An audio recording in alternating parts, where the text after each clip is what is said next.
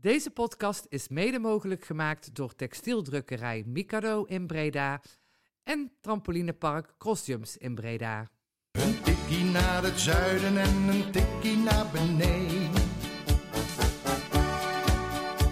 Daar wonen al mijn vrienden en daar voetbalt NAC. Laat nu de klok maar luiden, er is toch niks aan te doen.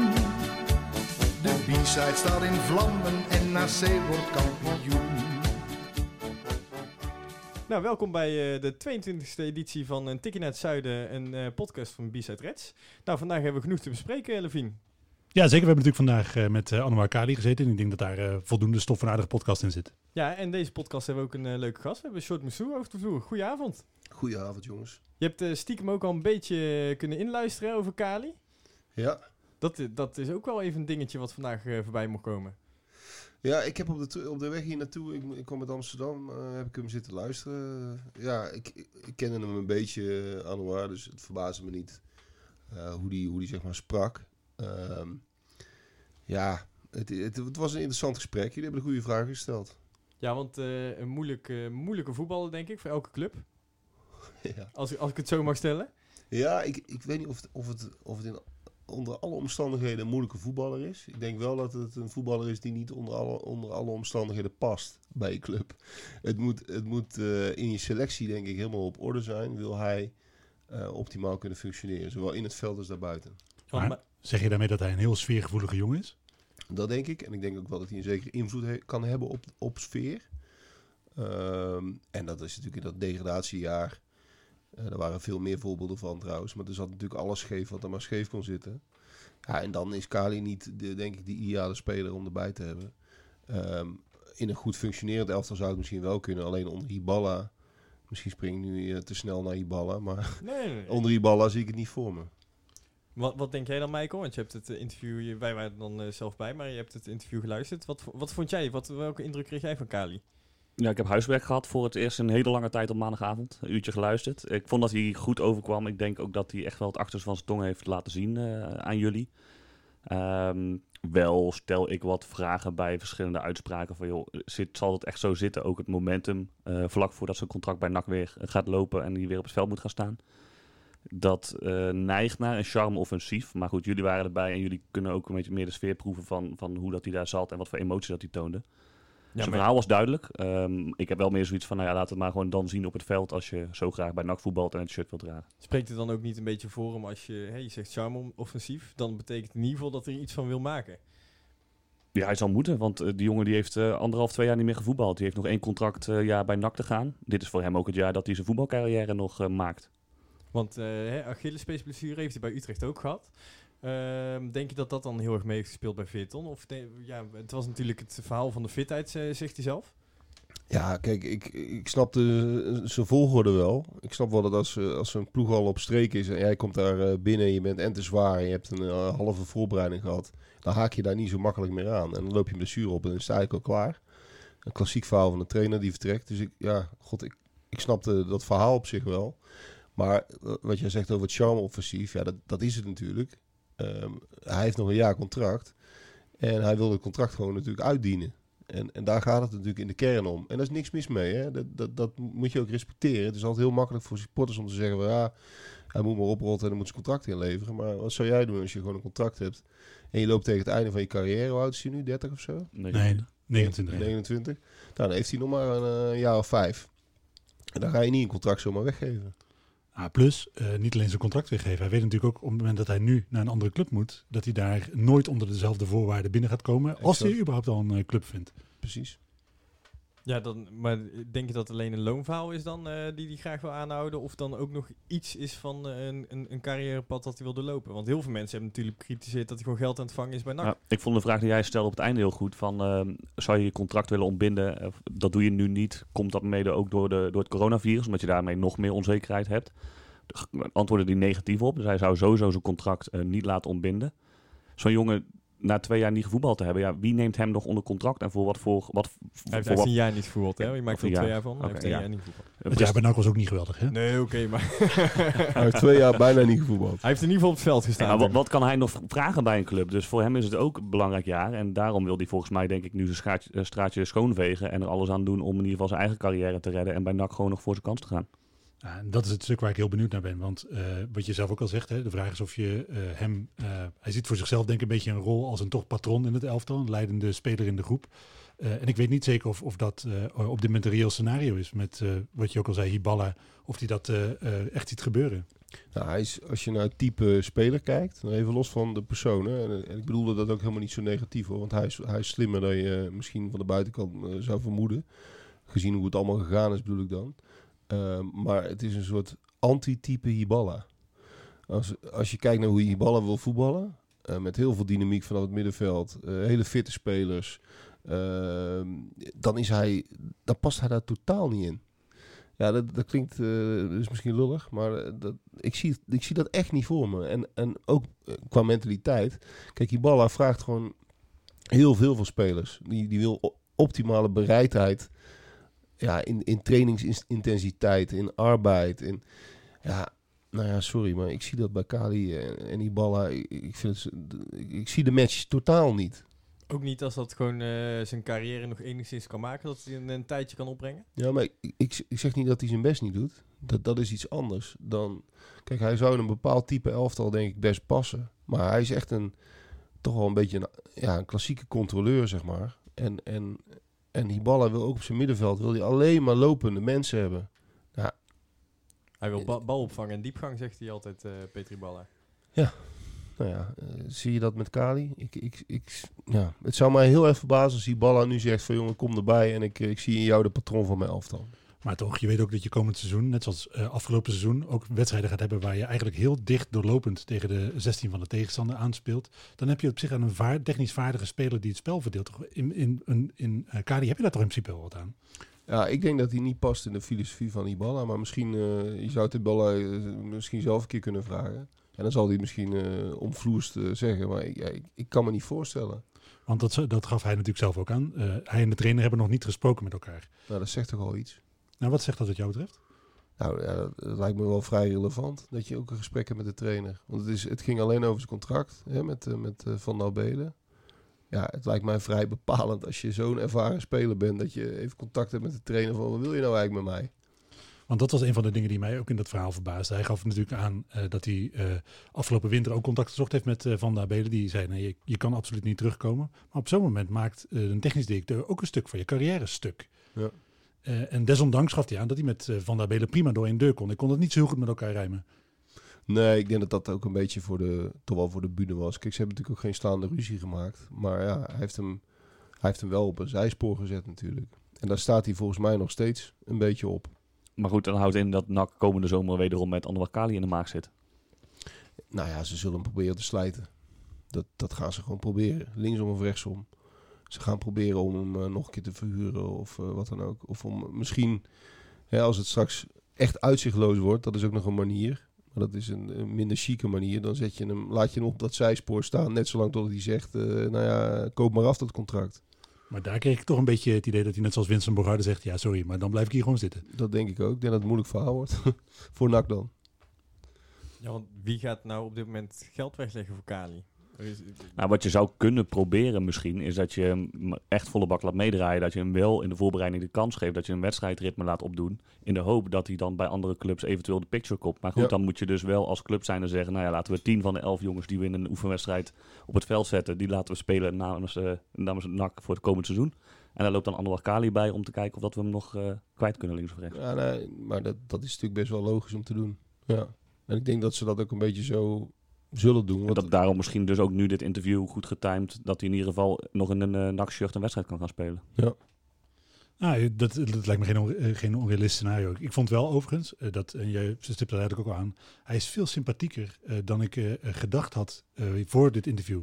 Het was een hele, het was op zich, vond ik, hij geeft natuurlijk wel zijn versie van de waarheid, maar ik vond het best een reëel verhaal van een jongen die, weliswaar wat laat wellicht, maar toch inmiddels ook wel snapte dat hij vorig jaar er echt wel een potje van gemaakt heeft. Maar ja, maar er zitten ook wel dingen in zijn verhaal waarvan je denkt, hoe, hoe bestaat dat nou bij een prof? Kijk, en het is inderdaad, het is absoluut geen domme jongen. Het is ook niet zo dat het hem allemaal niks interesseert. Want dat, die karikatuur wordt natuurlijk van de buitenkant snel van gemaakt. Maar van de andere kant, ja, als je zo zwaar terugkeert van vakantie, dan, ja, dat, bedoel, dat overkomt ons wel eens, maar wij zijn geen profvoetballers, toch? Ik spreek thuis voor mezelf. En- maar toch denk ik dat eh, Tom van der Belen gewoon een, een, een, een, ja, een truc heeft gedaan met Veerton, zeg maar. Dat is het enige wat hij kon vinden en ga dan maar daar Ja. naartoe. En eh, een Kali die zich niet heeft ingelezen. eh, dus wa- wat hij zelf ook zegt dat het niet goed was, hè, dat hij dat eh, wel had moeten doen. Maar dat, Eh, dat, maar- dat vond ik wel, eh, dat is een mooi voorbeeld wat jij noemt. Want dat, dat, dat zegt wel iets van hoe je je sport beleeft. En dan, dat zeg ik dan toch even eh, kritisch. Het kan toch niet waar zijn dat je naar een club gaat en dat je niet eens weet dat die al vijf wedstrijden gespeeld hebben. Hoe bestaat dat nou? Dat is toch echt ongekend? Maar als ik hier eh, eh, Kali verdedig, eh, natuurlijk helemaal met je eens. Want je, je hoeft alleen maar te googlen en dan zie je waar ze staan op de ranglijst. Dan bedoel, die informatie heb je zo gevonden. Maar op het moment dat je een hele zomer lang te horen krijgt, ga alsjeblieft weg. We willen je echt, je gaat hier nooit meer een minuut voetballen. En op het allerlaatste moment komt er een club, dan zeg je bijna blind ja, omdat je dan überhaupt kunt spelen. Tuurlijk, nee, maar dat, dat snap ik ook wel. Dat snap ik ook wel. Maar ja, dan nog zou ik zorgen dat ik in ieder geval enigszins weet waar ik naartoe ga. Nou, maar hij heeft natuurlijk wel al eh, had clubs in het oosten eh, of Midden-Oosten. En, eh, daar, ja, Oost-Europa zei hij ook. daar, daar wil hij niet naartoe. Dus hij heeft natuurlijk zelf al een heel kritieke lijstje weggelegd bij Tom van der Belen. Van ja, hè, als ik ga, dan ga ik in ieder geval niet eh, ongeveer naar de helft van de wereld. Gaat hij niet. Dus het was natuurlijk al heel moeilijk. Heel moeilijk Ja. verhaal voor hem. Nou ja, en wat ik wel overigens mooi vond, eh, en dat we, komen daar straks wellicht nog over te spreken. Het feit dat hij natuurlijk de eerste wedstrijd in alle waarschijnlijkheid zonder publiek gaat spelen, dat spreekt natuurlijk wel absoluut in zijn voordeel. Want ik weet niet hoe jij hem zou ontvangen, maar je kan je toch voorstellen dat veel mensen eh, niet bepaald staan te juichen op moment dat hij zijn eerste minuten voor NAC weer gaat maken. Nee, nou, ik ben niet zo'n uitfluiter hoor. Maar ik, ik snap wat je zegt. Ja, dat is, dat is inderdaad een voordeel. Maar no- nogmaals, los van de salarisdiscussie en zijn imago en alles wat er gebeurd is. Nog los van die dingen zie ik gewoon niet voor me dat die Balla zegt van... eh kom, er, kom er maar bij, jij bent, jij de man voor mij. En dat is volgens mij wel een trainer die er ook gewoon scheid aan heeft dan. Als hij niet past, dan maakt het niet uit voor hoeveel geld dat hij op de loonlijst staat. Ja, maar ik- ik denk dat Petri Ballen ook echt heel naar kan zijn tegen zo'n jongen namelijk. Dus ik, ik denk dat het of totale haat is of hij moet gaan lopen. Eén van de twee. Ik sluit het ook niet uit. Het wordt interessant. Het eh, wordt eh, heel interessant, denk ik. Overigens, eh, laatste puntje dan. eh, erg, eh, ik geloofde hem wel op zijn woord toen hij zei dat dat hele verhaal van dat ongeluk met drank op, dat dat niet gebeurd was.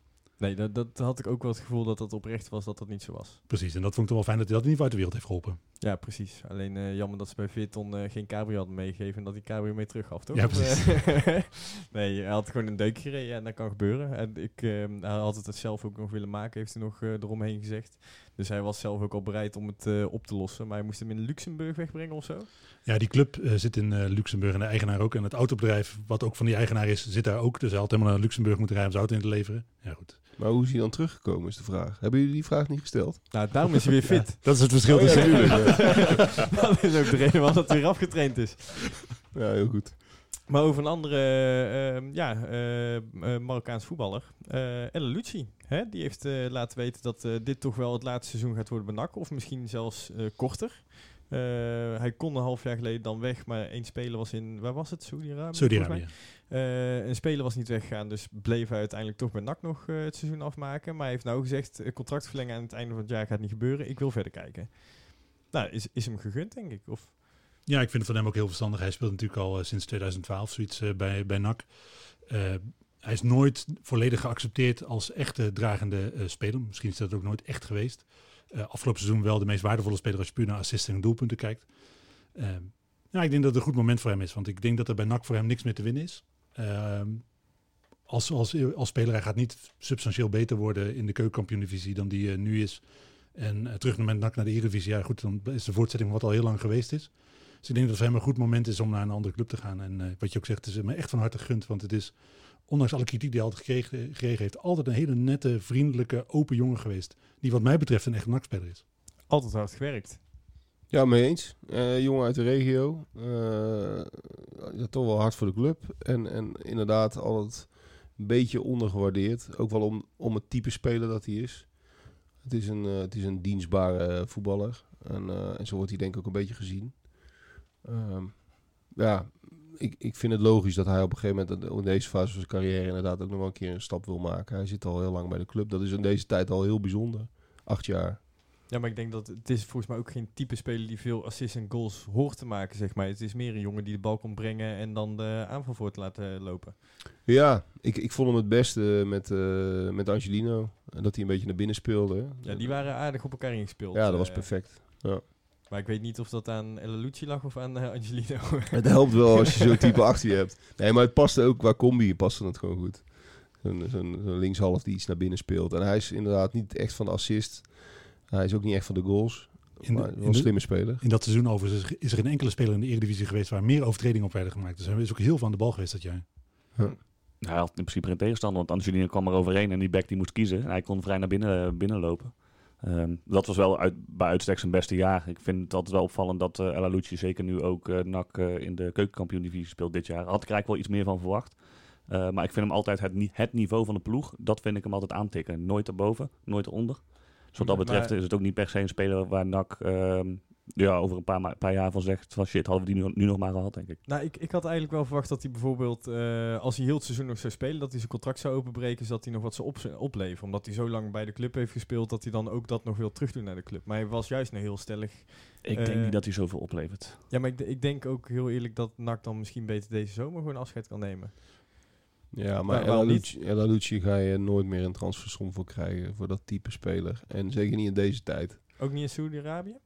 Nou, dan, dan heb je wel een fantastische deal eh, gemaakt. Nee, dat kan me echt niet voorstellen. Dit, dit soort spelers, eh, ja, daar zijn er gewoon heel veel van in Nederland, van, dit, van dat niveau. Dus waarom zou je een contract gaan afkopen als je eh, bakken vol met transfer, transfervrije spelers hebt?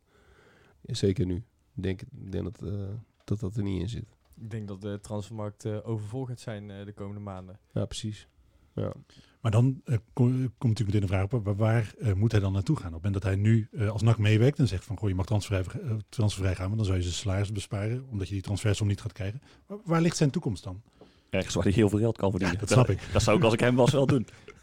Ja, Maar dan kom je op, Nou ja, de- een van de, de Saudi-Arabië bijvoorbeeld De, weer. de zandbak. De zandbak, ja. Ik zou het, eh, als ik hem was, zou ik het doen. Want op, in Euro- Europese competities, eh, vergelijkbaar met de Nederlandse, eh, dan kom je weer bij het niveau à la Club NAC uit. Ja, wat is dan de weer meerwaarde om ergens anders te gaan, eh, gaan wonen? En dan doe je het misschien voor de, voor de cultuur of iets dergelijks. Ik zou als ik hem was gewoon kijken waar je het meeste geld kan verdienen. Hoe oud is die? 5, 26? Ja, zoiets. 25. Mooi moment, toch? Ja, maar ik, ik, zou lekker gewoon inderdaad wat je zegt. Je moet blij zijn als je een transfersom kan krijgen. Als er nou iemand komt en die zegt we geven x bedrag hup, van de loonlijst af en nog een eh, zakcentje mee. Ik denk dat een Asagari perfect hem kan overnemen meteen. Ja, maar die transfersom, nou je moet als club wel echt knettergek zijn, wil je een, tra- een transfersom voor El Alouci gaan betalen. En dan bedoel ik niet niks ten nadele van El ik zou het gewoon voor de interviews die hij geeft al een transfersom geven. Maar Ja, nee, eh, ja, maar dat gaat echt geen enkele club gaat dat doen. Dus, dus je mag in, je kunt het doen om hem van de loonlijst af te krijgen. we schrijven hem op. Het, eh, de, ik, ik kan bij het voorspellingsmuziekje doen, maar geen transfersom van uh, El Lucci. Nou, Nee, maar dat zou me ook niks verbazen. Maar ik, ik vraag mezelf af of hij, eh, want hij was natuurlijk al eh, voor gevoelsmatig afgelopen eh, winter al op weg naar Saudi-Arabië, of dat echt. Hij zal er ook sportieve eer hebben. Of dat nu, eh Diba heeft natuurlijk ook zijn eh, zakken on- onwaarschijnlijk gevuld. Die zal nooit spijt hebben gehad van zijn keuze om daar naartoe te gaan. Maar zie, zie, zie je hem daar echt zo snel naar, naar vertrekken? Zou hij puur voor het geld eh, dat gaan doen? Het is wel best vroeg. Ja, Als je 25 bent, hij kan beter nog één goede club vinden waar hij puur voor het sportieve kiest. Maar waar zou die dan binnen passen als je gewoon naar de Eredivisie bijvoorbeeld? Hè? Hij zou daar een stapje mogen maken. Wat voor een club zou hij nou nog bij passen? Nou, hij zou onder in de eredivisie natuurlijk prima kunnen spelen. Eh, maar dan, dan doe je het puur voor de divisie. Eh, dat, Ja. dat is geen verschil met NAC. Maar hij kan natuurlijk prima bij eh, de Graafschap, RKC of wat dan ook. Maar dat, zou- dat zou dan puur voor de competitie zijn. En, en anders zou dat in het buitenland een beetje dezelfde soort categorie club zijn, denk ik. En dan kan je, nou ja, als je een beetje eh, geluk hebt en je, je ontwikkelt je goed, dan kun je op je 28 zelfs nog een keer naar de woestijn gaan. Maar ik heb geen idee hoe hij daar zelf in staat. Ja, nee, ja, volgens mij eh, eh, staat bij hem nu alles open, behalve in ieder geval volgend jaar nog naar NAC. Overigens is het wel zo dat als er een transfersom ooit betaald wordt, dan is het wel eh, vanuit de woestijn. Dat, Ja, ja, maar dan kom jij een worstenbroodje brengen omdat je het fout had. Dus nee, ik, ik, ik trakteer eh, Tom van den Abelen op een hele grote taart. dat lijkt me veel beter dan steeds geld. eh. dat, dat, dat is mooi, dat, eh, dat gaan we wel filmen. Maar eh, over eh, ja, salarissen, eh, mensen die niet verkocht worden gesproken. We hebben Greg Lee weer terug bij, bij NAC. Ja, er zat wel wat nuance, las ik vandaag in het eh, verhaal van eh, eh, Aberdeen. Ze hebben op dit moment, net zoals alle andere clubs, denk ik, geen geld. Volgens mij leiden ze een verlies van 8, 9 miljoen. Dus ze hebben gewoon simpelweg überhaupt geen geld om op dit moment contracten uit te delen. Maar de mensen hield de deur wel open. En ik denk dat voor, voor Lee, net zoals voor de meeste andere Britse spelers geldt, dat hij, gezien zijn historie en het feit dat hij in zijn eerste periode bij Aberdeen toch echt heel goed gedaan heeft, zonder enige moeite in Engeland onder de pannen komt. Ik geloof niet dat hij komend jaar bij NAC speelt. Dus jij denkt dat we die gewoon kwijt kunnen? Ik weet zeker dat NAC hem transfervrij laat gaan. Of heel veel geld. Mooie transfersom. Ja, precies. nee, ja, weet je, ik denk alleen maar aan de Dat financiën doe, ik van dat doe ik een taart, vind ik ook prima. Nee, ja, maar wat nou stel, hè, dit gebeurt niet. Ehm, zou Lee eh, een jaar nog bij NAC kunnen voetballen eh, om te kunnen promoveren? Je ik, moet, ik vind namelijk Lee niet zo'n goede voetballer. Nee, ja, niveau technisch vind ik het, denk ik eh, dat hij prima mee kan. Alleen het probleem is dat hij zelf gewoon niet in Nederland wil voetballen. Dus volgens mij gaat het sowieso niet op. En hij zou ook, als type zou hij in ieder geval beter bij Hiballa passen dan eh Ja, Kali. dat wel, maar die, die, hij, hij kon geen bal inspelen bij een andere speler. Hij kon heel hard rennen en heel slungelig. Maar, volgens eh, mij heeft hij twee assists op zijn naam staan. Ja, dat klopt. En die waren alle twee heel frommelig. Nee. ja, ik weet, het was... eh, Tevreden. eh, ja, oh, nee, ik, die wedstrijd weet ik nog wel, want toen Was dat iedereen Heerenveen? weg met... eh met Heerenveen met eh, twee rode kaarten toen. Toen stond hij half links buiten en heeft hij nog volgens mij twee assists. Ja, ik vond hem echt heel goed toen. Maar goed, eh, Ja, nee, ja, ik heb Ja. gewoon een eh, vertekend beeld dan misschien van Lee, maar... eh, Ja, ja, het is geen geweldige voetballer. Hij heeft niet echt zachte voeten zoals Dumfries dat nee, ja, zegt. pre- precies, geen zachte voeten, nee. nee, maar als je dan kijkt met, met hem en Kali, dan eh, heeft, eh, dat is natuurlijk wel zo, Hans Smulders, eh NAC, eh, ook na zijn vertrek nog steeds een ongelooflijke bak geld gekost. Want eh, dit soort jongens, eh, als, je, als je Lee en Kali niet slijt, dan ben je denk ik, wat is het, drie ton, zoiets verder. En dan kan je natuurlijk wel, eh Kali zei het zelf vandaag ook, ja, van mijn salaris kan je tot twee aardige eh, andere spelers halen. En dat geldt voor Lee natuurlijk net zo goed. En dat lijkt me de voornaamste reden waarom NAC er alles aan ze doen om beide te slijten deze zomer. Maar vind je dan dat eh Smulders niets goed heeft gedaan in het balans brengen bij NAC? Nou ja, hij heeft de, de balans in ieder geval leeggemaakt. dat, hij heeft, nee, want, want ook... eh, heeft hij goed zijn best voor gedaan, nee, ja. want Bowie, las ik, eh, las ik ook, die gaat ook, eh, kan ook een salarisverhoging tegemoet zien. Dus die zal deze zomer ook gesleten moeten worden. Ja, dat is niet van Smulders meer, hè? Eh, ja, oké, dat is technisch hard. Sorry, dat klopt, heb je helemaal gelijk in. Nee, maar Nou ja, Bowie is dan een heel ander verhaal. Dat, eh, daar heb ik dan niks over gezegd. uit- uiteindelijk heeft Ja, Uiteindelijk, ja, maar uiteindelijk heeft Smulders de selectie ook samengesteld waarmee we zijn gedegradeerd. Wat dus één grote puinzooi was. En Kali was de troefkaart die hij had om de selectie goed te Ja, maken. het probleem Zeker. daar is dat die contracten gewoon zo lang lopen. Hij heeft volgens mij destijds ingezet op spelers die ehm NAC in principe in de Eredivisie zouden moeten kunnen houden qua kwaliteit. Alleen die hebben allemaal een contract voor twee, drie jaar en vervolgens degradeer je. En dan zit je nu met die spelers. Ja, dat, dat, dat, klopt. Maar, maar hij, ik vind nog steeds... De, ja, het is een beetje het verleden praten dit natuurlijk. Maar ik, ik vind nog steeds de grote fout is dat hij toen met dat elftal niet achterin begonnen is. Dat we eigenlijk gewoon begonnen zonder centrum en zonder keeper. Ja, dat, dat vind ik echt zo'n ongelofelijke basisfout geweest. Je wist toen in... Volgens mij... Nou ja, je wist in maart al dat al die jongens van City natuurlijk weg zouden gaan. Want die waren veel te goed. Dus eh, dat was volkomen duidelijk dat je je elftal opnieuw moest inrichten. Dat je wat meer budget had, want je was je veilig gespeeld in de eredivisie. Ja, dan begin je gewoon met een goed centrum en met een goede keeper. dat is echt qua- ABC. Qua, qua keeper hadden ze natuurlijk Muric beloofd gekregen. Ja, maar daar zijn ze ook helemaal eh, van uitgegaan. Ehm, nou ja, dat is een verkeerde gok gebleken. En, en ja, uiteindelijk hebben ze geloof ik vijf keepers gehad in vijf wedstrijden. Maar het, het gaat me meer om het principe. Eh, als, je, als je de kans hebt op dat moment, een jaar e- eredivisie, om je elftal zeg maar een soort fundament eh, te leggen, ja, dan begin je altijd achterin. En, in en ze deden precies het tegenovergestelde. Ze hadden eh, een paar lichte buitenspelertjes. En toen, belden ze een keer naar, Manchester of er nog wat kwam. Ja, en toen, en toen, kwam er niks. En toen dachten ze, nou dan nemen we Kali er nog maar bij. Ja, zo, zo ging dat. En daar is, daar is het volgens mij helemaal misgegaan. Maar zeg je dan ook dat eh, Tom van der Belen, die is natuurlijk afgelopen jaar wel met eh, de- het centrum en de keeper begonnen, dat het daarmee ook een betere technisch directeur is? Ja, dat, dat, dat weet ik helemaal niet. Dat moet ook nog maar blijken. Maar dat is in ieder geval wel een stuk logischer, ja. Ja, maar Nicolai die stond zelf op de parkeerplaats. Hè? Dat is, eh, ja, maar goed, hij heeft hem wel een contract gegeven. Ja, dat wel. Ja, Ja, nee, maar ik, die volgorde vond ik echt logisch met die twee Spanjaarden en, en Olij. Dan heb je inderdaad je fundament in ieder geval staan. Ik had alleen, in de eerste, met name in de eerste divisie, voor veel meer ervaring gekozen. Dat staat een beetje haaks op Kali, maar ik bedoel, met ervaring, eh, ervaring op de goede manier. Eh, volgens mij kun je alleen maar promoveren als je ervaring in je elftal hebt. Maar wa- wat vind je dan van dat Monsalve bijvoorbeeld nu mag vertrekken weer? Want dat was gewoon een hele goede kracht van NAC. Ja, nou ja, misschien, eh, ik kan niet, eh, ik, ik ben niet continu bezig met, met de waan van de dag van NAC. Ik mag toch aannemen dat ze daar een vervanger voor op het oog hebben. Ja, want je, je raakt Van Hekken kwijt achterin. Hè, dat, dat is wel zeker. Die gaat niet verhuurd worden naar NAC, maar naar een, een FC, een FC Utrecht. Geweldige deal trouwens. Ja, nee, eh, dat, dat is, eh, ik denk, want AZ was inmiddels al afgehaakt. eh, die, de, dat was de enige partij die nog 2 miljoen zou had kunnen betalen. En dan komt in één keer Monaco uit doet en dat is netwerk Tom van der Belen. Ja, en, maar je zegt al, die deal is echt fantastisch. Ik denk dat, op, een beetje- dat je in deze markt eh, 2,25 miljoen is het verhaal eh, kunt krijgen voor een speler die echt nog steeds maar 11 wedstrijden in de keukenkampioen-divisie in de benen heeft. Dat is onwaarschijnlijk. En dat, dat blijft... eh, de wedstrijden dat- die, die eh, hem zag spelen, ook tegen de eh, grotere clubs uit de Eredivisie, was hij gewoon goed. Maar is hij nou echt die 2,25 miljoen waard? Ja, ik denk dat het een beetje zo'n Virgil van Dijk effect is. Dat, dat zo'n speler van, van zo'n club denkt van nou, jonge centrale verdediger uit Nederland heeft op zich, als je als je hem scout, heeft hij vrij veel. We gokken het er gewoon op. Hij is nog jong. Dus ik denk dat het een beetje vanuit die gedachte is. Maar ja, het is absurd. 11 wedstrijden in de keukenkampioen-divisie.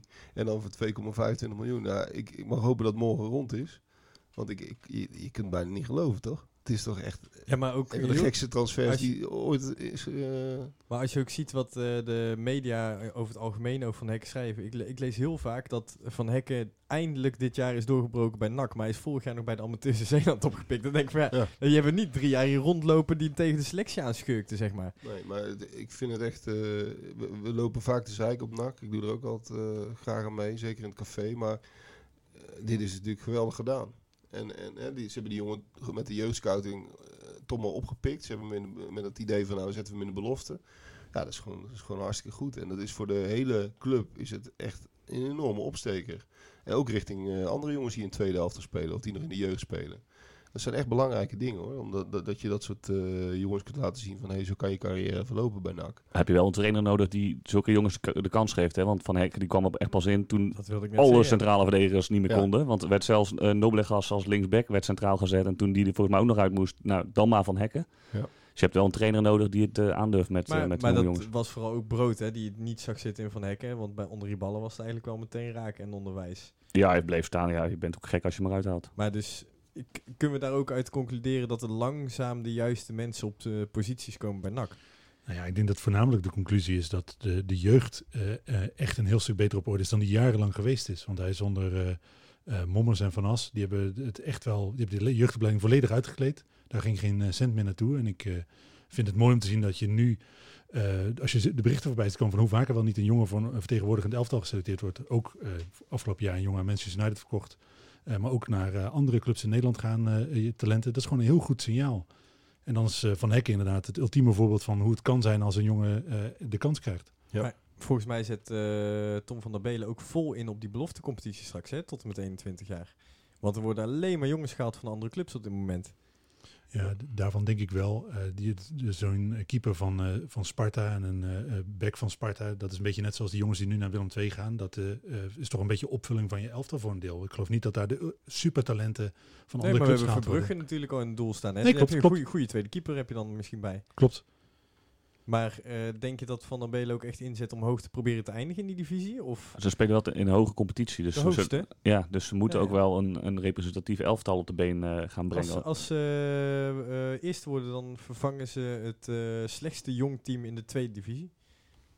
Ja, dat is wel een utopie, maar het is ja, wel dat, een dat, ja, nee, dat is mogelijk. Maar waar, waarom is dat de utopie? Want de Ja. onder 19 heeft het toch ook heel goed gedaan eh, de afgelopen jaren. En daar zitten toch jongens die nu doorstromen Ja. naar de onder 21. Bijvoorbeeld Jong Feyenoord, die wil heel graag naar de eh keukenkampioen-divisie. Die spelen ook in die divisie. ik dat denk dat die er niet, eh, nog meer geld tegenaan... Nou ja, niet Ja, dat Nakker er heel veel geld tegenaan Het betekent niet maar- alleen dat je het shirtje van Feyenoord draait, eh, draagt dat je beter bent in zo'n competitie. Dat is natuurlijk gewoon weer een hele andere mix. Ja, maar ze kijken... Ja, ze, ze, hebben, ze- een beetje, ze hebben uiteindelijk wel iets ze vissen ongeveer in dezelfde vijver en de beste die gaan naar Feyenoord. En wat daaronder komt, dat komt bij NAC. Klopt, want eh, zo'n jongen als eh, Tijn Troost, die eh, nu bij Feyenoord zal in dat onder 21 elftal misschien wel gaan keepen. Dat is natuurlijk een jongen die bij NAC met kop en schouders bovenuit zak als keeperstalent. Ja, en uit die categorie spelers, als je er wat jongens uit kan vissen die afvallen bij die topclubs, dan is dat heel, heel zinvol. Zo zijn de meeste spelers uiteindelijk bij NAC doorgebroken. Rodi Stam heeft het ook op die manier ongeveer gedaan. Maar wat vind je dan van dat herenakkoord onderling bijvoorbeeld? Hè? PSV, Ajax en Feyenoord mag, mag volgens mij niet van elkaar kopen, hè? eh, jonge, jonge jongens. Eh, maar ze zijn alleen maar alle andere clubs en alle jeugdopleidingen leeg aan het trekken.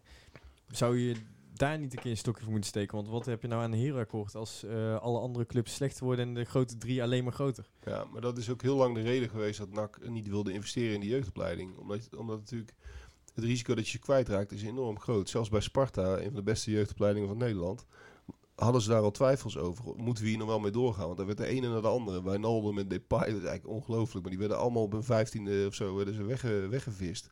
En dan ga je op een gegeven moment afvragen als club... heeft dat nog wel zin om daar zoveel geld in te stoppen? En daarom heb je ook voorbeelden als Van Hekken af en toe nodig... om te kunnen onderbouwen van... Hey, kijk eens wat we aan het doen zijn. Het heeft dus zin.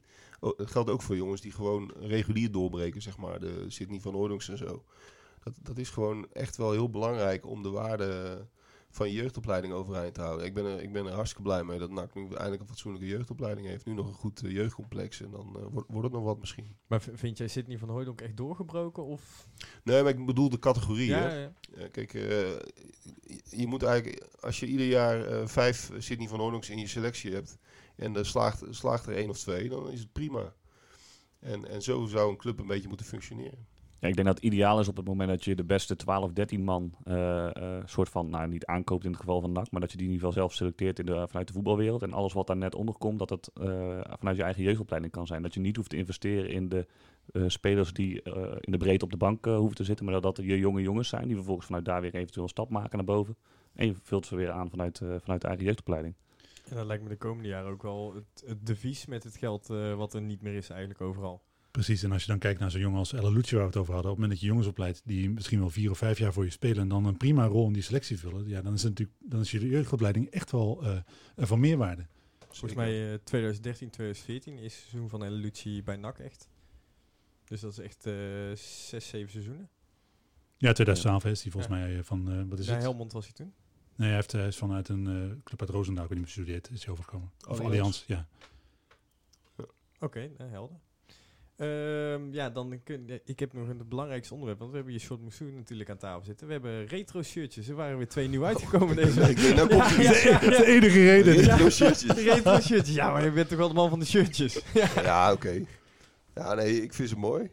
Na, naast het naast. Hebben we dat ook gehad?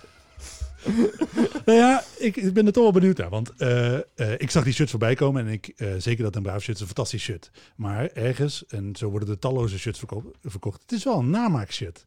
Het is niet de real deal. Ik ben het een beetje eens, Levine. Maar ja, er zijn er niet zoveel. Er zijn niet zoveel echte meer. Want die kon je vroeger niet in de fanshop kopen. Dus die zijn alleen nog bij spelers.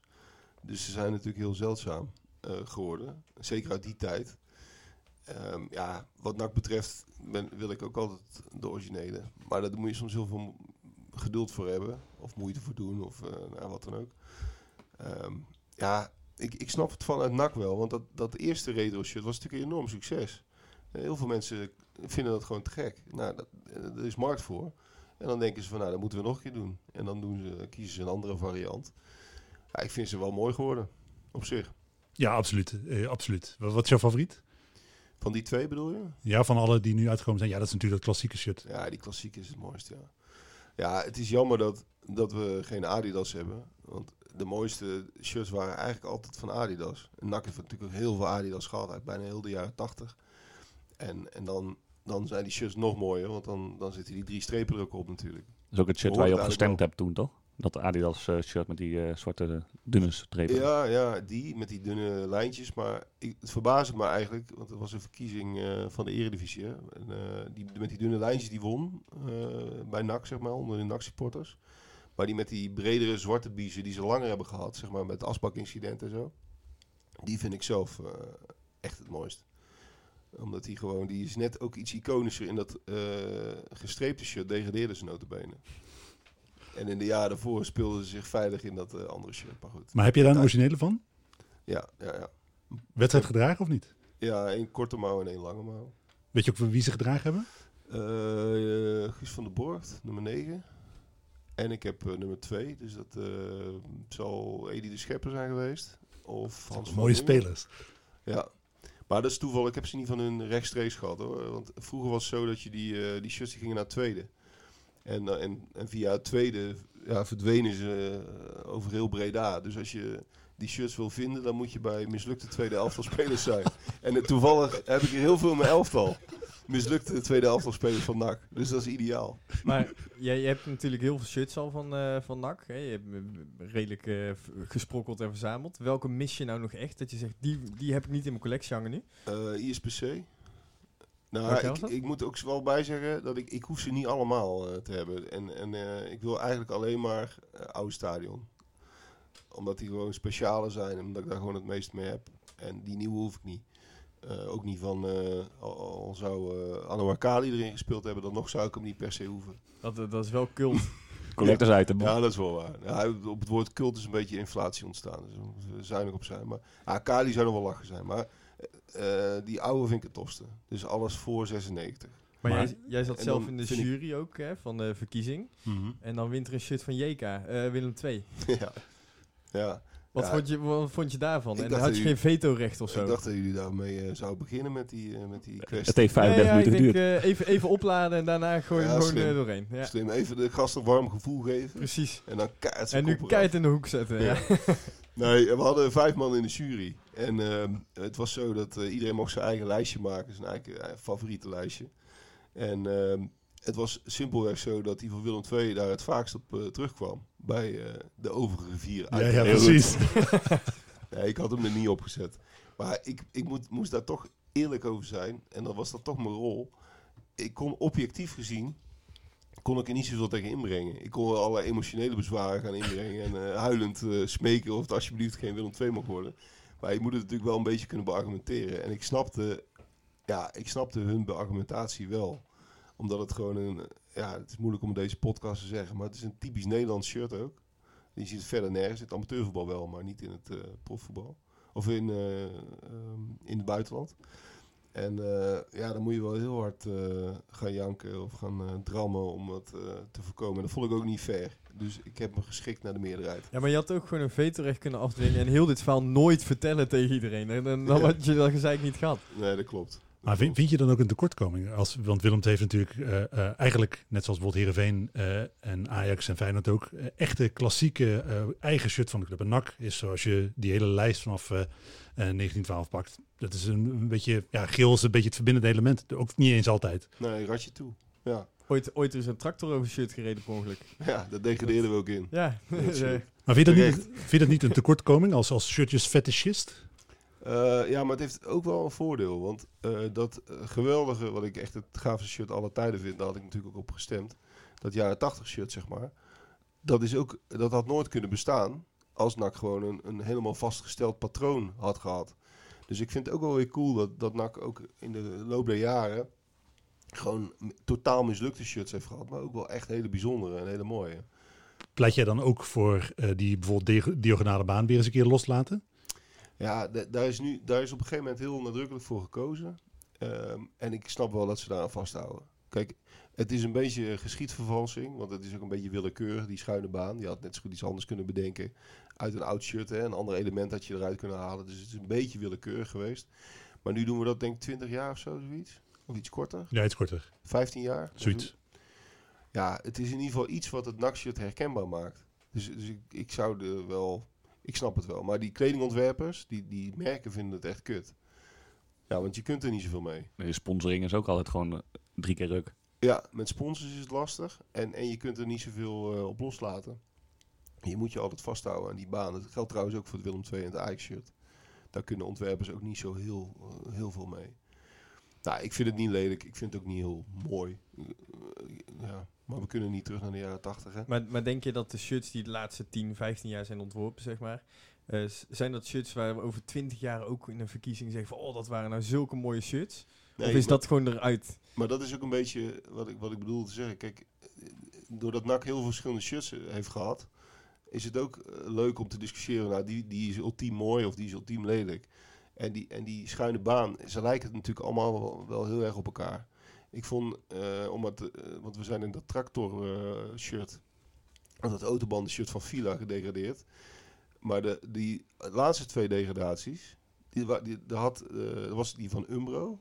Zijn ze in gedegradeerd. 2015 vond ik een van de mooiste shirts die ze gehad hebben. De laatste van de moderne, zeg maar. Dat, was helemaal goed. Dat kraagje was goed en eh, heel tof. En vorig jaar hadden ze een geweldig uitshirt. Dat witte met die eh, geel-zwart eh, aan de bovenkant. Gebaseerd op dat, eh, dat shirt met die boot. Van die foto eh bij het Spanjaarschat, weet je wel. Geweldig uitshirt, maar ook kansloos in gedegradeerd. Dus je hebt er op zich niet heel veel aan.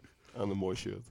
Ja, we hebben eh, één keer als derde shirt dat groene shirt gehad in de afgelopen jaar. En dat was het jaar dat we juist inbleven. Dus ergens is dat terugpakken naar dat sentiment toch wel goed. Ja, maar, ja, precies. Maar ik vind ook, eh, er zijn al discussies over die uitshirts, welke kleuren dat dan mogen zijn.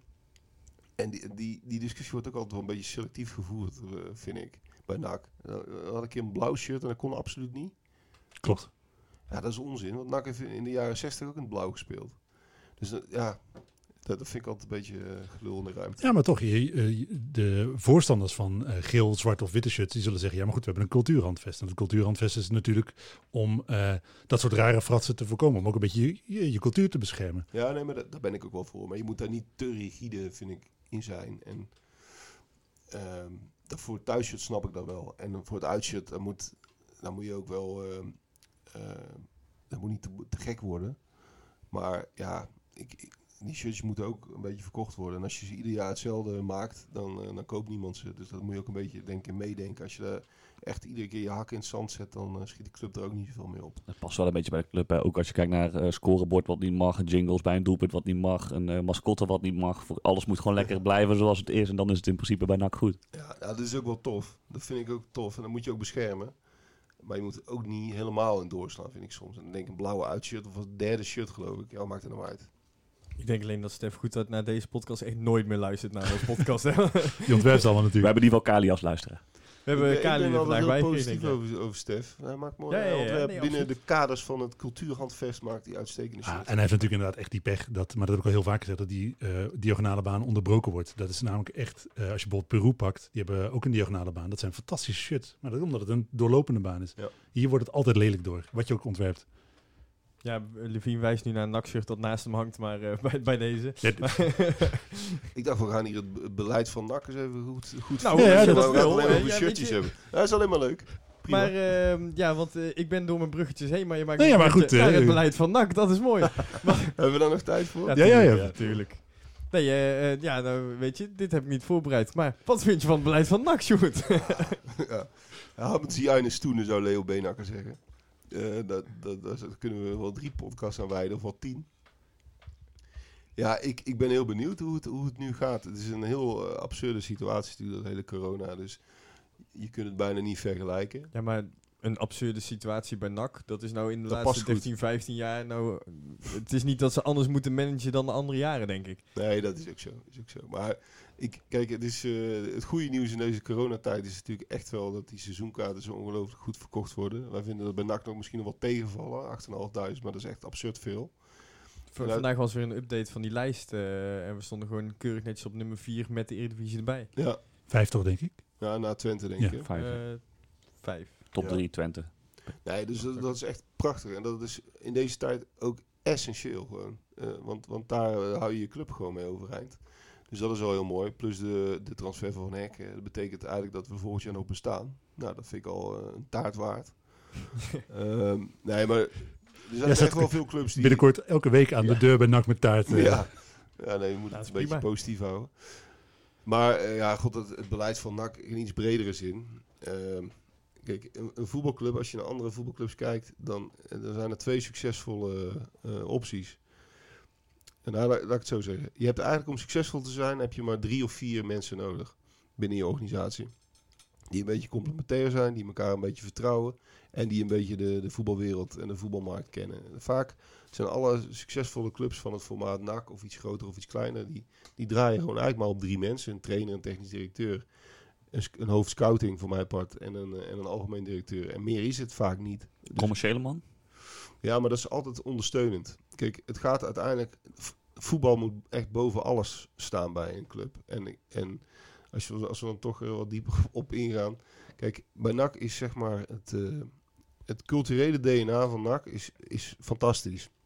Daar is iedere club in Nederland jaloers op. Als je mensen van andere clubs spreekt, die, die zouden er een moord voor doen om zo'n sterk ja, zeg maar cultureel DNA te hebben als NAC. Want dat is marketingtechnisch, nou, is een lelijk woord, maar toch is echt goud waard.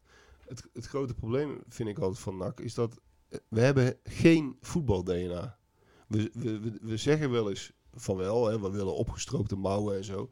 Maar leg mij nou eens in drie zinnen uit. En, en jullie mogen dat doen, maar eh, die vraag zou je ook aan de willekeurige technisch directeur in Nederland kunnen vragen. Wat is nou een typische NAC-speler? Waar staat NAC voor als het om voetbal gaat? Nou, ik denk dat niemand daar een antwoord op heeft. Je, je komt automatisch op de slechte spelers uit. En dat, ja, dat is toch heel triest? Ja, maar dat is uh, Kenny van der Weg. Uh, en, Sjoerd Ach had ik meteen. Ellery Cairo. Nee, dat niet, maar Gerard den Haan, dat weet je. Maar dat, dat, dat uh, spelers van de Leegte. Ja, Tommy van der Leegte. Vond ik ook echt een nakvoetballer. Ja. Dat, dat, zijn niet per se uh, de, de beste spelers in je elftal. Want Manu Garcia, ja goed, dat vind ik geen nakspeler. Leonardo, misschien wel de beste voetballer die ik heb bij NAC heb zien voetballen. Dat vond ik ook geen nakspeler. Nee, maar dat, dat is toch best wel... En die, ik vind het best wel erg dat je, dat je zeg maar over NAC... Dat, eh, iedereen waar dat, weet waar dat voor staat. En dan kom je weer bij dat biercliché en zo. Maar dat is, van een, dat is ook wel heel veel waard. Maar als het om voetbal gaat, heeft NAC eigenlijk helemaal geen imago in Nederland. Als je, als je, kijk, als je die, die vraag stelt over uh, FC Utrecht of de graafschap, dan, dan kun je dat vrij helder uh, samenvatten. Zeker het moderne FC Utrecht van de laatste 20 jaar. Uh, de graafschap is ook volstrekt helder. Willem II op een andere manier ook. AZ. Iedereen weet waar dat ongeveer voor staat. Want Ajax is natuurlijk helemaal een duidelijk voorbeeld. En bij NAC is dat gewoon. Dat is er gewoon niet. En waar, waar zit hem dat dan in? Nou, in, in eigenlijk het feit dat tenminste dat is mijn uh, eigenwijze analyse, dat die drie poppetjes die je nodig hebt om een voetbalorganisatie stabiel uh, te krijgen, die heeft NAC nooit gehad. Nooit alle drie. We hebben wel eens een goede trainer gehad, we hebben eens een slechte trainer gehad, we hebben eens een aardige TD gehad en een wat mindere. Maar die, dat driemanschap, zeg maar, wat je nodig hebt om over een periode van vier, vijf jaar een beetje goed te presteren, is er gewoon nooit geweest. Maar, maar ligt dat dan ook niet aan dat NAC gewoon de, zo tussenin alles ligt dat je, als je een goede hebt, dat je die dan ook weer kwijtraakt voordat je echt een driehoek kan vormen? Mm, ik denk dat het vooral komt omdat, uh, ja, eigenlijk uh, rondom, rondom NAC is, is te weinig uh, voetbalkennis en voetbalverstand verzameld. En daar bedoel ik mee dat ehm, ja, we zijn gewoon afhankelijk van, van wisselende poppetjes. En, en, een, en een, een, een, lange termijn voetbalplan hoeft niet eens een beleidsplan te zijn. Maar wat willen, wat willen we nou eigenlijk met onze, met onze jeugd? Wat willen we nou eigenlijk met talentvolle spelers? Wat voor type spelers zoeken we? Wat voor manier van voetballen willen we nou eigenlijk? Want je kunt wel zeggen, we willen harde werkers en we willen Gerard de Haan. Maar ja, dat is natuurlijk een beetje gelul in de ruimte. Waar zou NAC qua voetbal nou voor moeten staan? En wat voor beleid zouden we daarop los moeten Een beetje wat ze bij Ajax uh, jaren geleden heel goed hebben uitgetekend, zeg maar. Dus dat ze uh, allemaal een bepaalde speltype moeten leren in de jeugd. En dat ze ja. uh, hetzelfde speltype is wat ze willen zien in het eerste. Ja, maar dat zou je dan niet moeten aanpassen op het moment dat er een nieuw poppetje komt. Want bij NAC gebeurt het de afgelopen jaren continu dat er een beleidsplan ligt. En het is nog niet de print eruit of de mensen zijn alweer weg. En dan komt Klopt. weer een nieuw beleidsplan. Dat klopt.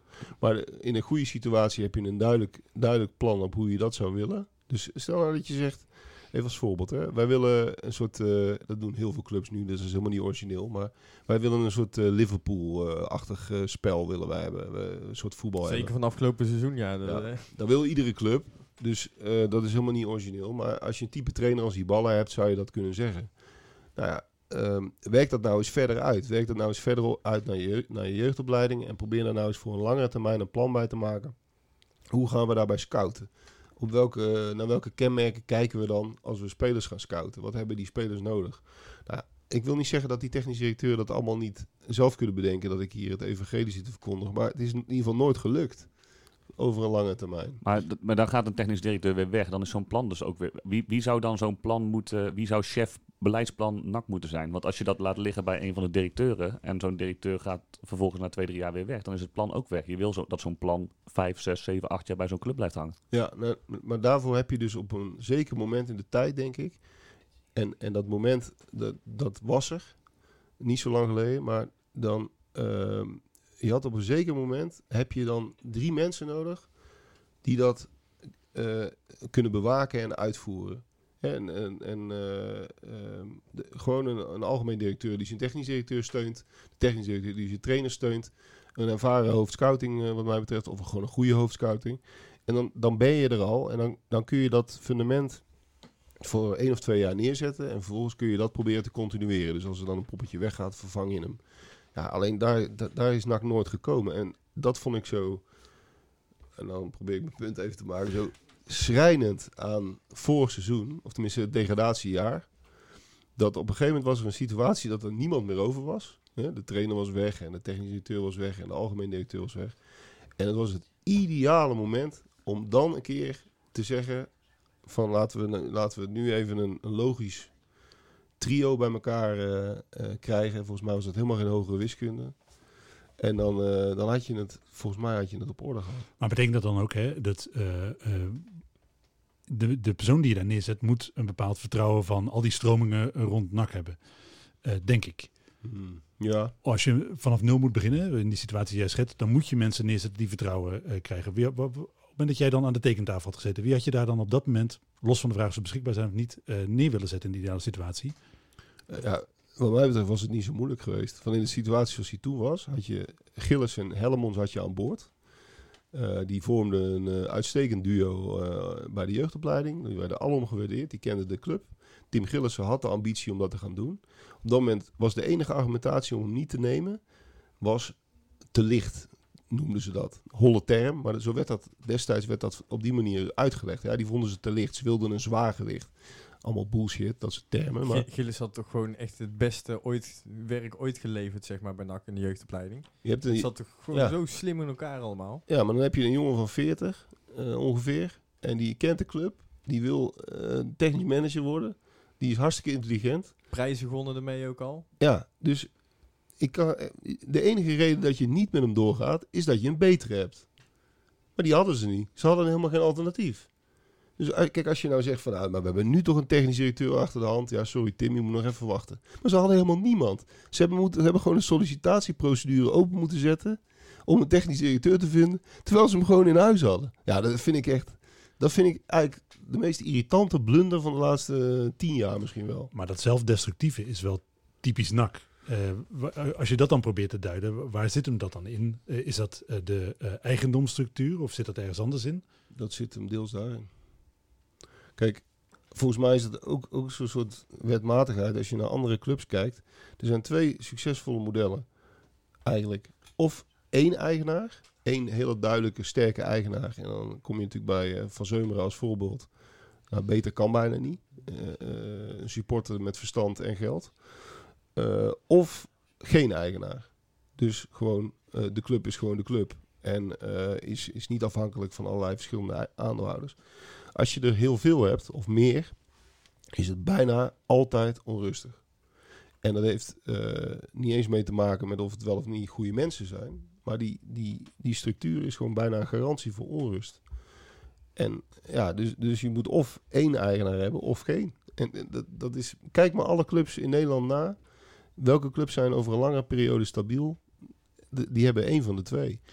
Je bent zelf natuurlijk eh, be- betrokken geweest eh, bij eh, een nieuwe, kijken naar een nieuwe eigendomsvorm met, met andere eh, mensen of een andere structuur. Hoe zie je dan wat dat betreft de toekomst van NAC? Zie, zie je daar een reëel exit scenario?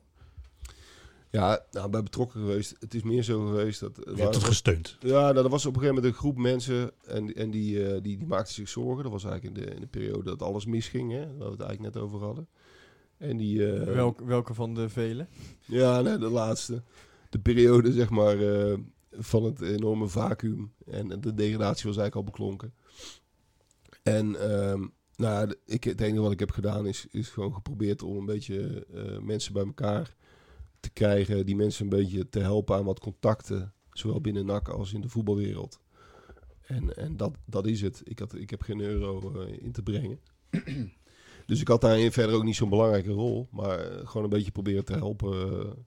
Om te kijken van wat zou nou een goed plan zijn. En wat zou eh, wie kun je daar ook eh, qua kennis ook, goed bij gebruiken. En ehm, eh, daar, het idee was gro- grofweg. Zorg nou niet dat je weer een nieuwe groep aandeelhouders krijgt. Want dan krijg je weer precies hetzelfde. Je kunt die aandeelhouders wel over gaan nemen. Of die aandelen wel over gaan nemen. Maar dan krijg je gewoon exact hetzelfde als wat we nu hebben. Alleen met andere poppetjes. Zorg nou dat die aandelen teruggaan naar de club. Dat was de, de basis van het idee. En je kunt ze ook aan één, één partij verkopen. Maar dan moet je wel een hele goede partij hebben die heel betrouwbaar is. Ehm, en er is, Bedoel je dan zo'n van Seumeren constructie? Of, eh, dat is van Seumeren, dat is de droom de, van iedere club. Ik weet niet of jullie hem wel eens gesproken hebben, maar, maar zo moet je het hebben. Die man die heeft geen kinderen. Die heeft alle tijd van de wereld. Die heeft maar één kindje. Ja, dat is FC Utrecht. Die komt uit Utrecht, die heeft bakken met geld. Die, die is dagelijks betrokken zonder dat er een heel groot ego eh, is, zeg maar. Dus eh, dat kan, kan bijna niet beter, maar die, die bestaan niet. Ik wou zeggen, want- die zijn er in de Bredaanse omgeving toch niet te vinden. Ik zou niemand kunnen noemen. Nee, anders was hij er al lang geweest. Daarom. Nee, dus dat is, dat is heel moeilijk. Dus dan, dan kun je hem aan een buitenlandse partij verkopen met alle, alle risico's die daarbij horen. Ja, of je zorgt dat de aandelen teruggaan naar de club, maar je moet daarbij wel goed zorgen dat er natuurlijk altijd geld beschikbaar is. Want een voetbalclub runnen van het formaat NAC is bijna een garantie voor tekorten of in ieder geval op een heel dun lijntje lopen. En je moet natuurlijk voorkomen dat, eh, dat er dan eh, geen, eh, bijvoorbeeld een investeringsfonds beschikbaar is waar je altijd op kan terugvallen. En we zijn nog drie directies en drie trainers die al weg zijn aan het doorbetalen waarschijnlijk. Dus die heb je ook gewoon nog op de balans staan. Ja, maar dat is, dat is meer iets voor de, zeg maar, de, be- de lopende begroting. Maar de- dan eh, zie je er eigenlijk beide in een catch-22. Er is toch, eh, want je zou als je het eh, terugbrengt, bijvoorbeeld eh, in handen van de club, weer een verenigingsstructuur of misschien wel in handen van supporters, dan mis je die financiële basis. Maar het alternatief is dat je onbestuurbaar blijft. Ja, al, moet ik, al denk ik wel dat, dat de, de, de, de, grote drie op dit moment, die hebben wel andere dingen aan hun hoofd, volgens mij. Eh, dus die, die nemen wel wat meer afstand dan dat ze in het verleden gedaan hebben. En het is ook niks, eh, nogmaals, het is ook geen verwijt aan die mensen zelf. Maar ik denk gewoon dat het bij een voetbalclub een garantie voor instabiliteit is als je heel veel kapiteins op het eh, schip hebt en aan het, aan het roer hebt. En dat is bij NAC denk ik ja, wel echt een probleem geweest. Want ja, kijk maar naar alle de aanstellingen van de laatste jaren. En met name de manier waarop dat ging toen de hele club opnieuw ingericht kon worden eigenlijk. Met poppetjes. Ja, ik, ik heb niet, nooit begrepen hoe ze dat eh, uiteindelijk Ja, hebben opgelost. afgelopen twee jaar vind ik echt, drie jaar vind ik echt bizar voor woorden. En ik ben ook een beetje ergens angstig. Het is nergens op gebaseerd. Maar als je nu kijkt naar de huidige samenstelling van de drie mannen. Dus de hoofdtrainer, de technische manager en de algemeen directeur. De trainer is aangesteld door de eh, directeur die inmiddels is vertrokken. Technisch manager door een interim die inmiddels is vertrokken. Daar is een algemeen directeur nu bijgekomen. Die moet het dus doen met de poppetjes die hij heeft. Ja, je moet maar hopen dat dat weer goed in elkaar valt. Maar de- Nicole Edenbos bedoel je? ja. Die zit, die zit nog steeds in het raad. eh, welke, ze, heeft in ieder geval nog een functie binnen NAC. Nee, die heeft geen functie meer. Of ja, ze zit toch nog in de medezeggingsraad? Nee, ze is nog steeds adviseur van de aandeelhouders, maar Ah, dat is volgens mij geen officiële functie. Ja, en bovendien is ze daar ook eigenlijk niet meer bij betrokken volgens mij. Nee, Maar- je hebt nu drie, ja. drie puzz- puzzelstukjes die een soort van in elkaar liggen. En je moet maar hopen dat dat past en dat dat goed gaat werken. Anders kom je dadelijk over een half jaar loop je weer tegen de zaak Ja, aan. Dat dit, er, dit is NAC. Daar kan je toch gewoon van uitgaan dat, dat je dus drie verschillende puzzels door elkaar hebt geflikt en dat nooit het- in past. het meest ideale scenario, en dat ga- gaf je ook aan, eh, Sjoerd, je hebt dus de kans om een AD aan te stellen die met een technisch manager gaat werken. En samen, of met, met, vooral vanuit de technisch manager, ga je kijken van wat voor trainer past er bij de speelstijl die we willen spelen. En je hebt een 1-2-3'tje en daar kan je dan waarschijnlijk jaren op bouwen. Nu heb je een samenstelling van een ja, van de kernposities binnen NAC, die eigenlijk soort van toevalligerwijs tot stand is gekomen. En je moet maar hopen dat het matcht. Ja, Ja, maar helemaal mee eens. Dat klopt moet ik wel eerlijk zeggen dat ik nu steeds meer gecharmeerd word van eh, Tom van der Belen. Eh, dit heeft hij allemaal heel goed gedaan. Hè? De contacten met Monaco, Van Hekkenweg. Eh Kali is nog erfenis van eh, Smulders. Ehm, tot nu toe vind ik van de Abelen kunnen we nog niet heel goed beoordelen. Maar alles wat nu een beetje doorrolt vanuit zijn beleid, vind ik best wel oké. Nou Ja, hij doet geen onlogische dingen. Eh, er zijn natuurlijk wel een, in de selectie ook een aantal missers, maar in principe eh, kloppen de dingen, die, de dingen die hij doet zijn op zich niet gek. Jonge talenten een contract geven. Eh, dus zijn scouting is redelijk op orde, vind ik. In ieder geval de, aankopen die er nu mogelijk aan zitten te komen. Waarbij Dros misschien wel uit de koken van de trainer komt, in ieder geval een wens van de trainer is. Maar op zich zit daar niks geks tussen. Eh, en eh, hetzelfde geldt denk ik ook voor Matthijs Manders. In principe is dat eh, van wat je nu redelijkerwijs zou kunnen krijgen, denk ik een van de beste opties die beschikbaar waren. En dat geldt voor de trainer net zo goed. Dus ik denk dat, hoewel dat een toevallige constructie van drie personen is, dat het echt wel slechter uit had kunnen pakken op dit moment. Nee, maar individueel kunnen die poppetjes natuurlijk best. Maar het gaat uiteindelijk om het, om het, om het team dat het vormt. Ik denk wel dat, dat, dat jullie daar gelijk in hebben. Dat, dat het moeilijk is, eh, gezien de aanloopperiode, om dat allemaal op één lijn te krijgen. Het zijn wel heel verschillende types. Ik ben wel heel benieuwd hoe dat gaat. Hij heeft natuurlijk het een en ander al gespeeld. Zeg maar in, eh, bij de, rondom de aanstelling van die ballen en de rol van Van Abelen daarin. Maar goed, ik, ik kan Van Abelen ook echt serieus, ik kan het echt nog niet goed beoordelen. En ik ken hem ook helemaal niet. Ik heb hem zelfs nog nooit gesproken. Ehm, dus ik, ik, ik weet het niet. Ik, ik, ik, wil, ik zou wel wat vaker willen horen, maar dat even los van Van Abelen zelf. Ik zou wat, wat duidelijker willen hebben van wat willen we nou eigenlijk met, dit, met deze club eh, op voetbalgebied. En ehm, kijk, hij heeft een paar inderdaad goede logische dingen gedaan. Van de andere kant, vorig jaar waren we gewoon eh, zesde geworden of zo. En dat is natuurlijk wel heel slecht.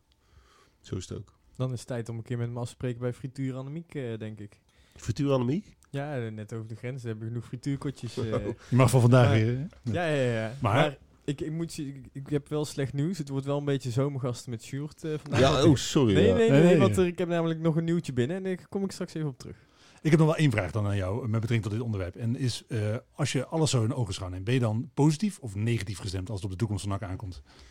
Ik ben altijd positief gestemd. Maar is dat tegen beter weten in of is dat echt oprecht eh, positief? Ja, ik denk, ik, nou, ik, ik werk al, ik wil, wil mezelf niet belangrijker maken dan ik ben, helemaal niet. Maar ik werk al twintig jaar in de voetbalwereld, zeg maar. Dus eh, je spreekt dan altijd mensen en iedereen zegt altijd van, hoe is nou met NAC? Maar echt van hoog tot laag. Dus, dus eh, Ronald Koeman vraagt ook altijd hoe, bij, hoe het bij NAC voor staat. Mensen vinden NAC een schitterende club. En, en zijn ook altijd verbaasd over hoe dat dan gaat. En als ik dan kijk naar clubs waar het dan wel goed gaat, dan denk ik, ja, het is toch geen hogere wiskunde, jongens. Het is helemaal niet zo moeilijk. Dus dan, ik ben altijd in die zin positief. Dus ik denk van, ja, maar het kan niet waar zijn dat het nooit een keer goed valt. Want het is echt niet zo moeilijk. Er zijn echt maar een paar dingetjes, een paar schuifjes, ik kijk even naar het apparaat, die, die op de goede hoogte moeten staan. En, en je kunt gewoon eh, vijf jaar een uitstekende club zijn. Maar is NAC niet gewoon eh, gebouwd op een indianenbegraafplaats of zo? Want het, Ja. het lijkt nooit goed te kunnen vallen. Daar lijkt het, daar lijkt het op. Maar, maar, maar toch, als je toch een. Je, je hoeft maar echt een klein clubje van, van een beetje goede mensen te hebben. Ja, dat klinkt als een open deur, maar dat- zo simpel is het. Het is. Ja, NAC is een moeilijke club, zeggen ze dan altijd. Maar ja, van de andere kant. eh, ja, wat is er dan zo precies zo moeilijk aan? Het is wel de club waar je een seizoenkaartcampagne lanceert en een paar weken later heb je de 8000 verkocht. Ja, weet je? precies. En dat hebben andere clubs natuurlijk niet. Nee, die betrokkenheid is toch fantastisch. En, en daar doen andere clubs een, een moord voor. Het enige is dat, ja, eigenlijk de dingen die we net benoemd hebben. De- als je daar wat een beetje aan zou kunnen schuiven, dan denk ik dat je een heel eind bent. Zou ik eh, mijn bruggetje dan maar maken? Over, gang. Over fantastisch publiek. Ik, eh, ik weet niet of jullie eh, eh, veel vrije tijd hebben, maar net is er binnengekomen dat de competitie hoodie gespeeld gaat worden straks, volgend seizoen. Op vrijdag, zaterdag, zondag en maandag worden alle wedstrijden van de Eredivisie gespeeld op een ander tijdstip, niet tegelijk.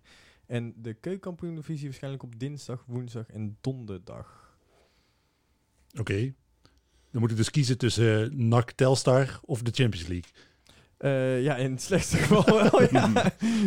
Nou, dan weet ik het wel. ja, dat denk ik ook. Ik nak Wed- Telstar, die Wedstrijden in de keukenkampioen-divisie worden gespeeld op dinsdag, woensdag Ja, donderdag. waarschijnlijk dinsdag, woensdag en donderdag. En de, de vrijdag, zaterdag, zondag en maandag wordt de Eredivisie gespeeld. En dan En en dat heeft waarschijnlijk met te maken met de kanalen die vrij zijn voor Fox.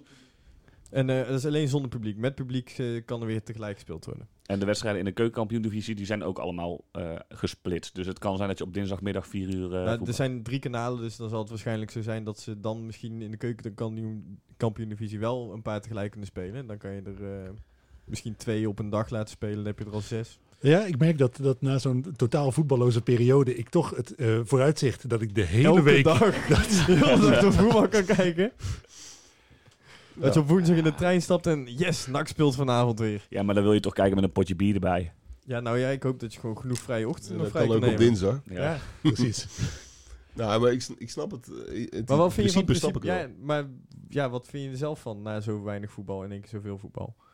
Ja, het, het is gewoon puur beredeneerd vanuit hoe kunnen we de tv zo, zo goed mogelijk bedienen. En, en verdienen we er uiteindelijk zelf ook het Maar ik meeste. vind het zo jammer, want als ik dan bijvoorbeeld eh Heerenveen tegen VVV aan het kijken ben en er is echt Kijk geen je dat? klap. Ja, soms wel. Maar dan, en er is echt geen klap aan, dan wil ik gewoon kunnen switchen naar eh, Fortuna tegen Utrecht. Ja, En Ja. dat kan dan niet. maar het is alleen in de periode zonder publiek, hè? Ja, alleen eh, zonder publiek. Dus, Dus met publiek dan gaat het gewoon normaal. Maar Ja. het voordeel is dus dat we wedstrijden kunnen gaan zien. Ja, dat, dat Ja. wel. Ja, dat mag ik toch hopen, want laten we even wel wezen, we hebben het daar ook een keer over gehad. Het is volstrekt onacceptabel eh, als je wedstrijden zonder publiek die niet uitgezonden eh, worden Dan speelt. Dat die slaat. Voor wie doe je dan? Nee, maar voor wie doe je het dan? Nee, maar de, de- tuurlijk. Nee, nee, ze gaan dan alle wedstrijden uitzenden. En, en dat is natuurlijk ook richting sponsors is het natuurlijk ook heel belangrijk. Hè? Want, want je kunt in ieder geval tegen sponsors zeggen van je hebt hoe dan ook 90 minuten airplay per week. En dat is denk ik ook wel een heel belangrijk argument. Dus ik, ik snap het vanuit eh, zeg maar de economische situatie, snap ik het wel. En toch trekt het me niet op, eh, op een dinsdag of woensdagavond me op te laden voor NAC. Nee, maar Ik- misschien ik- is er wel een al- vaccin binnenkort, joh. Dan, is dat, dan gaat het allemaal niet door. Een vaccin tegen wanbeleid misschien. Ja, dat zou helemaal mooi zijn. Sterker, sterker nog, jij kan op eh, woensdagmiddag om vier uur richting, eh richting Velzen rijden voor Telstar NAC een keer. Nou, juppie, nou fijn. Nee, nee, leuk vooruitzicht dit. Nou ja, ik moet wel zeggen dat eh, die eh, perskaarten super aanlokkelijk zijn eh, komend jaar. Want je kan dan in ieder geval die wedstrijden zien, live. Ja, maar jij, jij bent met mij ook wel eens mee naar België geweest. naar een, eh, een, een, Westerlo. besloten Westerlo, ja. En dat de buschauffeur van NAC, S- Jeff Stan, stond te coachen vanaf de tribune. En dat Ja, alleen maar maar... ik vind dat wel mooi. Ik, eh, natuurlijk, het is een wedstrijd zonder publiek, eh, klopt niet. Maar eh, een leeg stadion heeft ergens, eh, omdat het niet klopt, heeft wel iets. Ja, ik, ik weet niet. Ja, aan de ene kant vind ik het gaaf dan als, als we mogen gaan om te gaan, maar meer omdat hè, heel veel mensen zitten thuis en we zijn, eh, vinden het nog belangrijker dat we verslag doen. Hè, dat we dus iets meer mee kunnen krijgen van de wedstrijd. Maar aan de andere kant is het nog steeds een leeg stadion. We moeten bij Groen-Wit gaan spelen. Historische grond. Heeft NAC eh, voor de Beatrixstraat ook gespeeld. Li- Is het mooiste sportcomplex van Breda. Tussen de huizen van Prinsenhagen. Ja, maar dat- kan makkelijk natuurlijk. Als Tuurlijk je dan toch zonder eh, publiek speelt. Ja. En je kunt heel makkelijk afzetten. Want er liggen alleen maar huizen omheen. Je hebt maar één poort. Hatseflats. Dan maak je van eh, het NAC-stadion gewoon één grote GGD-teststraat. Dan maakt het Noemen we- gewoon een reet uit. Noemen we het het Kees Rijvers eh, stadion. Ja. Nee, maar echt serieus. Het ziet er fantastisch uit op tv. Veel leuker dan zo'n leeg stadion met zo'n eh, lelijke gracht. Ja, ik ben Ja. er wel voor. En dan hang je gewoon eh, wat van die groene eh, eh, dingen over die, die schermen. En dan kan je zo iets erop projecteren tijdens de uitzending. Ze Ik zie, het, ik, zie het, ik zie het probleem niet. hebben ze kunstgras op het hoofdveld? Ik heb geen idee. Niet, hè? Nou, dan kan het helemaal doorgaan. Ja, nou ja, ik, eh, ik zie het wel gebeuren. Nou, la- laten we daar dan een polletje op uitgooien, misschien vanavond nog. Ja, alles bij Groen-Wit. Ik vind het wel mooi. Alles bij Groenwit. Eh ik, de- ik denk dat we zomergasten met Short moesten gaan eh, afsluiten. eh. Sorry, jongens. nee, nee, nee, nee. nee, Dit is, dit is een wedstrijd en een verlenging bijna. ja, we hebben... Ja, Je jeugd en al je favoriete televisiefragmenten komen volgende keer wel. eh. Als je die van tevoren instuurt, dan kunnen we ze inladen. Maar haakt iedereen af, joh. nee, ja, we hebben geen na-competitie gehad, dan maar een langere podcast. En een interview met Kali van een uur. Nou, top. Hey, Sjoerd, hartstikke bedankt. En eh, hopelijk wil je misschien ooit nog een keertje aanschuiven als het je heeft bevallen. En als je niet ziek bent geworden van het kantoor. Eh Levine, eh, jij bedankt. Michael bedankt. En eh, ja, tot volgende week. Een tikkie naar het zuiden en een tikkie naar beneden. Daar wonen al mijn vrienden en daar voetbalt NAC. Laat nu de klok maar luiden, er is toch niks aan te doen. De B-side staat in vlammen en NAC wordt kampioen.